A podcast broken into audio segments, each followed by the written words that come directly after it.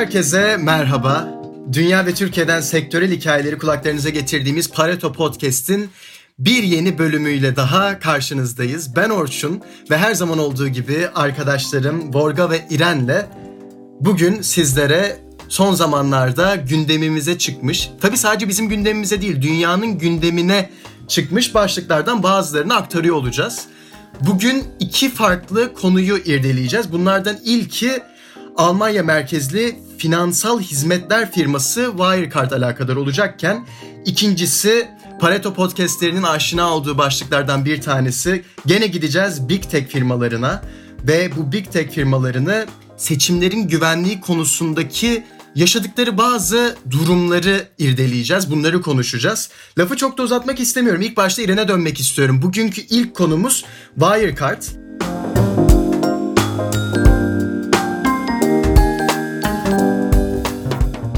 İren şimdi ortada çok fazla şaşkınlık verici hatta belki skandal diye bile nitelendirebileceğimiz bir gündem söz konusu. Denetim şirketi EY 1.9 milyar euroluk bir bilançodaki eksiklikten bahsediyor. Bunun ardından Marcus Brown CEO istifa ediyor. Hisselerde müthiş bir değer kaybı var. Neler oluyor Wirecard cephesinde? Bizlere aktarabilir misin acaba? Evet Orçun teşekkürler. Wirecard mevzusu aslında son böyle bir buçuk yıldır devam eden bir olaydan bahsediyoruz burada. Şimdi önce biraz şirketten bahsedelim. Wirecard 1999 yılında Münih'te kuruluyor. Sonrasında Almanya'nın en önemli ve hızlı yükselen teknoloji şirketlerinden biri haline geliyor. Daha çok sanayisiyle bildiğimiz Almanya'da hani atıyorum bu teknolojiler anlamında bir SAP var mesela Almanya'da. Almanya'nın teknoloji sektöründe önemli bir şirketi haline geliyor, bir yıldızı haline geliyor. Sonrasında geçtiğimiz hafta görevi bırakmak durumunda kalan CEO Marcus Brown 2002'de şirkete katılıyor. Ve şirkete katıldıktan sonra da Wirecard oldukça hızlı bir büyüme performansı gösteriyor. Öyle ki Eylül 2018'de Almanya'nın en büyük piyasa değerine sahip şirketler arasında katılıyor. Ve bu blue chip diye tabir ettiğimiz şirketler arasında yani DAX 30 endeksine giriyor. O blue chip şirketlerin yer aldığı endekse. Commerzbank'ın yerini alıyor burada. Ancak geçtiğimiz yıl Ocak ayında The Financial Times'ın şirketle ilgili bir takım iddialar ortaya atmasından sonra Wirecard dediğim gibi bir buçuk yıllık çalkantılı bir sürece girmiş oluyor. Şimdi Financial Times'ın orijinal iddiaları şirketin mali tablolarının şüpheli göründüğü, e, yurt dışında özellikle Singapur, Hong Kong ve Endonezya bölgelerinde elde ettiği gelirlerin gerçekliği ile ilgili soru işaretleri olduğundan bahsediyor. Daha sonrasında Wirecard bu iddiaları incelemesi için bir bağımsız denetimciyle anlaşıyor. KPMG'yi görevlendiriyor. Ve KPMG araştırmasından sonra Nisan ayında 70 küsur sayfalık, 74 sayfalık bir rapor yayınlıyor sanırım. Ve bu raporda kesin ve net bir şekilde Wirecard'ı aklayamıyor. Diyor ki e, raporun ana bulguları şirketin iş modelinin temelinde yer alan ve 2016-2018 arasında Wirecard'ın faaliyet karının büyük kısmını elde ettiği, büyük kısmını oluşturan üçüncü taraflar üzerinden elde edilen gelirlerin gerçekliğini onaylayamıyor. Yani ne demek bu? İşte bir takım e, finansal, muhasebesel şaibeler barındırıyor. Bunlar bu işlemlerin gerçekten orada yapılıp yapılmadığı doğrulanamıyor. E, bunların kayıtları ile ilgili sıkıntılar oluşmuş. İşte e, bu kayıtları tutmaktan görevli insanların bir kısmı şirketten uzaklaştırılmış. Yani anlamsız bir şekilde bir anda ortadan kaybolmuş e, gibi gibi bir takım sorunlar bulunuyor.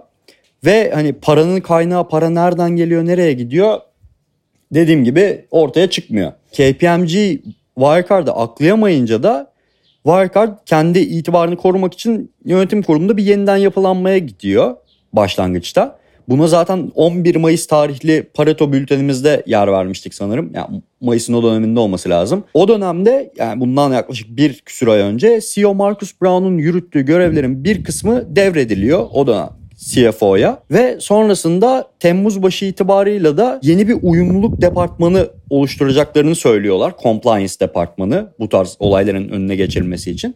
Bu compliance departmanının başına da James Frice'i getireceklerini söylüyorlar. Son durumda son geçtiğimiz hafta içerisinde bir başka durum daha ortaya çıktı. Senin de konuya girişte bahsettiğin gibi Wirecard'ın denetimcisi Ernst Young EY dedi ki e, şirket hesaplarından yaklaşık 2 milyar avroluk bir kayıp var hesaplarda. Bu durum tabii ki bir kez daha sarstı şeyi Wirecard'ın itibarını ve Marcus Brown'u istifaya zorlamak zorunda kaldı artık. Bunun yerine de bu az önce bahsettiğim Temmuz başında oluşturulacak departmanın başına getirilmesi planlanan James Price geçici olarak Brown yerine CEO olarak atandı. Wirecard'ın geleceği pek de iyi gözükmüyor şu an bu noktada. Bu e, şaibeleri üzerinden atamadıkları sürece, bu hesaplarını doğrulayamadıkları sürece. Şöyle bir problem var zaten ortada. Şirket geçtiğimiz yılın mali tablolarını yayınlaması gereken mali tabloları dört kere falan erteledi. Açıklaması gerekiyordu çeyreksel rakamlarını. Açıklamayı dört kere kadar erteledi. Hala bitiremediler. Hala sorunlarla boğuşuyorlar. Bu da yatırımcılarda çok büyük bir güven azalmasına, güven eksikliğine yol açıyor. Sonu nereye gidecek açıkçası bilmiyorum. Hisseleri çakılmış durumda Wirecard'ın. İren yorumların için çok teşekkürler. Şimdi ikinci konumuza geçmeden önce burada Borga'ya dönmek istiyorum. İlk başta şunu sorayım. Neler düşünüyorsun sen? Ve bir yandan da tabii ki İren'in aktarımlarının üstüne eklemek istediğim farklı bir bakış açısı söz konusu mu acaba? Bunu merak ediyorum. Şöyle Orçun teşekkür ederim. İren çok güzel açıkladı zaten. Birkaç eklemek istediğim nokta var. Ee, şöyle ki bugün Bloomberg'de geziniyordum. O ara işte Wirecard'ın yeni haberleri de düşmeye devam ediyor. Öncelikle e, Almanya'da ciddi bir gündem olmuş durumda. Bu Wirecard Almanları şey yaptı diye başlıklar görüyordum medyada. Utanç getirdi ülkeye diye çevirebilirim sanırım. E, bu konu hakkında Almanya'daki üniversitelerdeki akademisyenler, siyasiler, ülke gündemi karışmış durumda. İrem biraz önce anlattı Wirecard'ın ne kadar önemli bir ülke şirketi, adeta gururu olduğunu. Şimdi tepe taklak oldu. Herkes Volkswagen'in skandalıyla kıyaslamaya başladı Wirecard'ı. O yüzden açıkçası ülke için çok güzel bir gün değil. Onun dışında Wirecard'ın biraz kökenlerini araştırdım. Şirketin ilk çıktığı noktalarda bu Bloomberg'in haberinden aldığım bir bilgi. Çevrim içi kumar ve porno ödemelerinden başlamışlar iş yapmaya ödeme sistemleri olarak.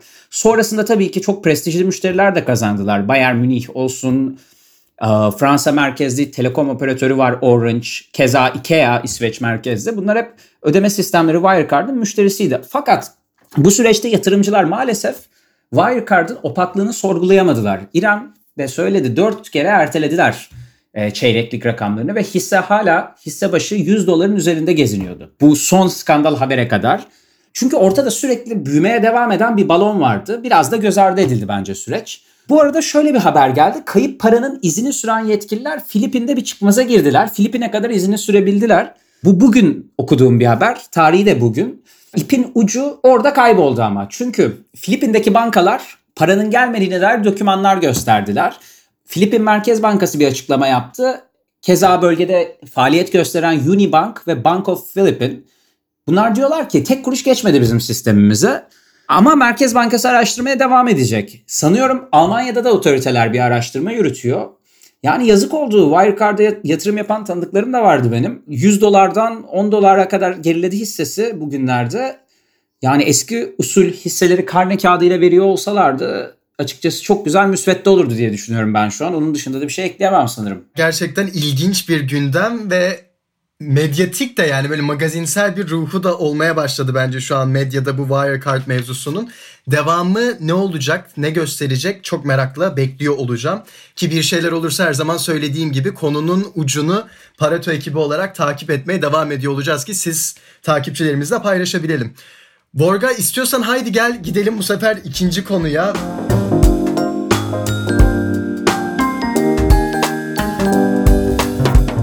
Big Tech firmalarında özellikle Google, Twitter ve Facebook üzerinden bu Amerika'nın yaklaşmış seçim gündemi alakadar nice tartışma dönmekte. Siyaset bilimi severler ya da ilgililer bilirler. Normalde siyaset biliminde seçimlerin demokratik olmasının gereklilikleri farklı nosyonlarla, farklı elementlerle tartışılır. Hatta tartışılır demeyeyim tartışılırdı demek istiyorum. İşte bir seçimin demokratik olması için tarafsız olmasının gerekliliği, bağımsız olmasının gerekliliği, özgür otoritelerce kontrol edilmesinin gerekliliği, seçime katılımın bedava olması ve tabii ki seçime katılımının herkese açık olması benim aklıma gelen o kitaplardaki maddelerden bazıları. Ama 2016 seçiminde, 2016 Amerika başkanlık seçiminde gördük ki günümüze bu kadar hayatımıza adapte olmuş teknoloji çokça sevdiğimiz teknoloji o vakte kadar seçimlerdeki o demokratik katılım sevdamızı kimilerince zedeledi, kimilerince bir şey yapmadı ama o tartışma hala netleşmiş değil. Fakat tabii ki Amerikan otoriteleri başta olmak üzere 2016 seçimlerinde teknolojinin getirdiği bu zorluğu yeni seçimlerde görmek istemiyorlar ve bir kontrol etmeye, belli bir düzene oturtma isteği söz konusu. Şimdi bu konunun üzerine gidiyor olacağız ve Vorga gerçekten fikirlerini ve şu yeni güncellemeyi çok merak ediyorum. Big Tech firmaları ifade verecekler. Neler oluyor o cephede?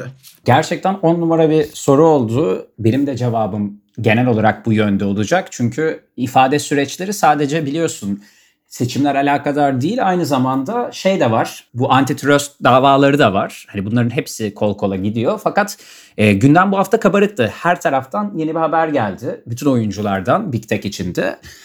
İlk başta Big Tech ve Washington'daki cumhuriyetçiler arasında gerilim devam etti. Geçtiğimiz haftalarda zaten Facebook, Twitter, Trump arasındaki gerilimden hem podcast'te söz ettik hem bültende yazdık. Google'da iyiden iyiye denkleme katıldı bu hafta. Irkla ilgili içerik politikalarını ihlal eden muhafazakar siteleri hedef alıyor şirket. Bunları Google Ad'de izin vermiyor, kendi Google platformunda göstermiyor. Böyle bir hedef aldı.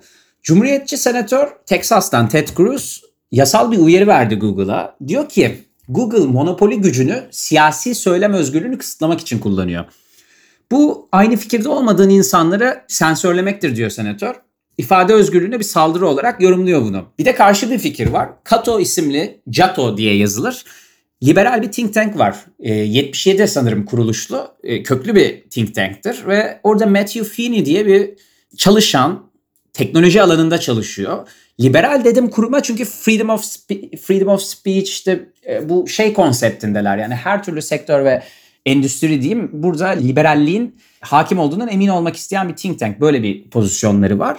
Senatöre biraz şey yaptı. E, ne denir? Bozuk attılar. Çünkü güçlü yasa yapıcılar özel şirketlere zorbalık yapmamalıdır diye bir e, söylemde bulundular. Bu kabul edilemez dediler. Özellikle yasayı ihlal etmiyorken Google herhangi bir yasa ihlal etmiyorken senatörün bu yorumunu biraz abes buldular. Tabii şimdi iki hafta önce konuştuğumuz yasayı hatırlarsınız. Yeni yasa yürürlükte Cumhuriyetçi senatörler geçirdi yasayı. Bu yasa ABD vatandaşlarının teknoloji şirketlerini ifade özgürlükleri eğer kısıtlanırsa dava açabilmesinin önünü açıyor.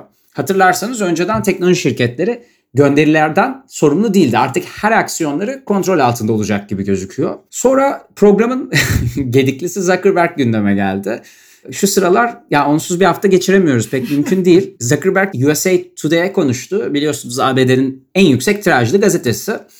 Diyor ki Facebook'un seçmenlerin baskı altında kalmasını engellemek gibi bir sorumluluğu var. Bu baskıyı yaşayan seçmenlerin azınlıklar olduğunu da kabul etti. The people of color konseptiyle kullandı. Ben azınlıklar diye çeviriyorum. Aynı zamanda aktif olarak seçmen katılımını ve e, kayıt sistemlerini de destekleyeceklerini açıkladı. Ya şimdi iki haftadır okuyoruz. Şirket içi tepkiler büyüyordu Zuckerberg'e. Fox News röportajını hatırlarsınız. Şimdi 180 derecelik bir dönüş var gibi. Çok zeki bir iş insanı Zuckerberg. Karar almadan önce her zaman herkes dinlediği ve tüm noktaları birleştirerek karar aldığını söyleyen çok demeç okudum. Ama duygusal boyutundan uzak biraz işin. Yani mantık etmiyor her zaman. İki hafta iki apayrı demeç veriyorsun ve ikisi de mantık ekseninde tutarlı okey. Ama yanlış hissettiriyor. Sonra Facebook, Twitter ve Google ABD kongresiyle sanal bir duruşması vardı. Yetkililer katıldı, yüksek derece VC'ler katıldı e, kurumlar adına. Seçimler yaklaştıkça bu 2016'da Rusya'nın ülke seçimlerine müdahil olduğu iddiası yeniden gündeme geliyor. Senin de e, biraz önce e, güzel bir şekilde açıkladığın konu buna değiniyor aslında. Bu üç şirketin temsilcileri de 4 yıl önce gerçekleşen sözde sabotaj karşısında nasıl çözümler ürettiklerini açıkladılar. Şimdi Facebook tarafı oyların geçerliliği ve oy kullanma metotları hakkında bilgi kirliliği yaratan iç, içeriklerin hepsini yasaklayacak. Twitter zaten hani ibare kullandığından geçtiğimiz haftalarda bahsettik. Donald Trump'a da kullanmıştı bir ibare. Google ise ABD Başkanı Donald Trump'ın kampanya reklamlarını kamuoyu ile paylaşılmamış ihlaller sebebiyle iptal etmişti. Muhafazakar sitelerden zaten az önce söz ettim. Şimdi Amerika Birleşik Devletleri Temsilciler Meclisi İstihbarat Daimi Seçilmiş Komitesi 3 büyük şirketi de dinledi ve önümüzdeki seçimler için yol haritasını çizecek. Umarım önümüzdeki günlerde isimlerini de daha kısa yaparlar kurum olarak. Tabii şimdi asıl heyecan önümüzdeki günlerde Facebook, Google ve Amazon'un CEO'larının sırasıyla sayıyorum. Mark Zuckerberg, Sundar Pichai ve Jeff Bezos. Antitrust soruşturması için kongreye ifade vermeyi her biri kabul etti. Ama Facebook ve Google şu şartı koydu. Rakip CEO'lar da ifade verirse veririz dediler. Apple'dan bir ses gelmedi henüz. Tim Cook katılacak mı? Biz de merakla bekliyoruz. Bir tabir vardır. Makes a good TV diye. Hani ratingle bağdaşan bir anlamı var bunun. Açıkçası bu milyarderlerin komisyona ifade vermesi çok çok iyi rating yapacaktır. Biz de merakla bekliyor olacağız. Sonuçta Big Tech ve Washington arasında mevzuat mücadelesi yeni bir cepheye taşınıyor. Keza dünyanın en zengin insanı Bezos'u da ilk defa kongreye ifade verirken göreceğiz. Bilemiyorum belki Apple TV ve Amazon Prime'dan yayınlarlar. Ben de patlamışım sırmalarım izlerim. Daha söyleyecek başka bir şeyim yok. Vallahi Borga hem güldürdün hem bilgilendirdin. Ağzına sağlık. Burada şimdi bir İren'e dönmek istiyorum. Çünkü arkadaşı olarak da biliyorum bu tarz konularda ki keza Pareto okuyucuları da gayet biliyorlardır. Oldukça ilgili bir isim. İren sen ne düşünüyorsun? Eklemek istediğin bir şeyler var mıdır acaba Borga'nın söylemlerine? Vorga çok güzel anlattı her şeyi açıkçası. Hani son gelişmeleri çok güzel aktardı. Ben bu noktada şey üzerine de çok konuştuk aslında. Election'ları nasıl etkiliyorlar ya da e, nasıl etkilemeliler ya da etkilemeliler, etkilememeliler. Nasıl pozisyon almalılar. Bunların üzerine aslında zaten bayağı da konuştuk. Hani o konuda o cephede çok yeni söylenecek bir şey var mı açıkçası bilmiyorum ama bana bu son durumda enteresan gelen bir nokta şey oldu. işin geleceği açısından. Bu Volga'ya bir hatırlatabilir misin bana kimler eğer şunlar da gelirse biz gelir konuşuruz demişti. Ee, Facebook ve Google bunu şart koştu. Facebook ve Google. Ya bu bence Big Tech'in kendi içindeki rekabet arasında çok enteresan bir oyun teorisi dinamiği olarak benim gözüme çarptı ilk bakışta bunu söylediğin zaman. Ya bu şirketlerin birbiriyle e, sistemle olan rekabetinden ziyade birbiriyle olan rekabeti acaba sistemle olan mücadelelerini nasıl etkiliyor, nasıl şekillendiriyor? Onu bana bir düşündürttü. Bunun üzerine de bu podcast sonrasında bazı araştırmalar yapıyor olacağım. Gerçekten enteresan bir konu. Ama hani şunu söyleyeyim. Daha çok burada gelecek için Facebook'un işte ben gel e, diğerleri gelmezse ben yokum. Beni karıştırmayın. Google'ın diğerleri yoksa ben yokum. Beni karıştırmayın tavırları bu şirketlerin bana aslında şeydeki samimiyetini de sorgulattı. Yine dediğim gibi sistemi doğrulaştırmakta, meşrulaştırmakta olan e, o tavırlarındaki samimiyetini de sorgulattı. Bilmiyorum bence düş- üzerine düşünmeye değer bir konu. Bu ilgimi çekti. Kesinlikle İran çok haklısın. Ya araya girdim. Tam hani sen bunu söyleyince aklıma geldi. Mesela Jeff Bezos direkt çıktı. Ee, bunların hiçbiri olmadan önce Amazon açıkladı. Jeff Bezos değil. E, Jeff Bezos testify gidip ifade verecektir açıklamasını yaptı kimseyi beklemeden. E, açıkçası o da zaten sever böyle şeyleri. Ne denir? E, show off diyeceğim. Show e, konseptli açıklamaları sever ve eminim saklayacak çok bir şey de yok. Ama çok mantıklı gerçekten bu oyun teorisi sistemi. İyi bir yorum oldu. Aklıma yattı yani. Ben de bakacağım. Ya bak geçen hafta şeyi konuşmuştuk ya yine podcast'te.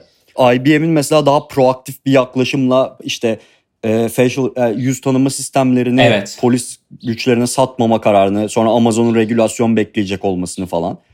E, bu da aslında bir noktada biraz ona da bağlanıyor sanki. Hani şu açıdan bazı şey işte sen diyorsun ki mesela Bezos gitti testify etti. Hani daha böyle direkt daha proaktif bir yaklaşımda. Bazıları daha böyle çağrılmayı bekliyor. Bazıları yani tırnak içinde söylüyorum pusuya yatıyor diğerlerinin ne yapacağını bekliyor. bu Big Tech arasındaki büyük teknoloji şirketler arasındaki Apple burada çok bu taraklarda bezi yok doğrusu daha çok product odaklı oldukları için sanki ama e, bu diğerlerinin daha çok hizmetler üzerinden dönen şirketlerin bu konudaki yani birbirine diş geçirme çabası yani birçok alt sektöre yayılıyor sonuçta bunlar günümüzde ve artık böyle şey yapacak kazıyacak daha az pay kaldı pastadan. Daha böyle sürekli niş yerlerde şunu da ben yapayım işte şunun önüne çıkayım ne bileyim diğer tarafta şey gibi düşünüyorum ben bunu biraz. Böyle sanki büyük bir dünya haritası var ve burada belli işte sınırlar var. Şey gibi düşün bu sınırları. Belli sektörler, belli alanlardaki hizmetlerde orada sınırlar çizilmiş. Bu ülkenin toprakları var orada. Ülke pardon, şirketlerin toprakları var orada ve sürekli orada böyle sınır çarpışmaları oluyor. Bir sıcak bir şeyler oluyor. bir biri sınır ötesine geçiyor, bir şey oluyor. Çok böyle klasik bir şey analojisi oldu. Uluslararası ilişkiler analojisi oldu ama sanıyorum iyi açıklamıştır demek istediğim şeyi. 2020 gerçekten enteresan bir dünya içerisinde yaşıyoruz. Bilmiyorum gelecek ne gösterecek bize ama herkesin bu konular üzerine düşünmesini ben tavsiye ederim kendi adıma. Arkadaşlar ağzınıza sağlık. Bence analojileriyle, benzetmeleriyle de en zengin, en keyifli Pareto podcastlerden bir tanesinin sonuna gelmiş bulunuyoruz.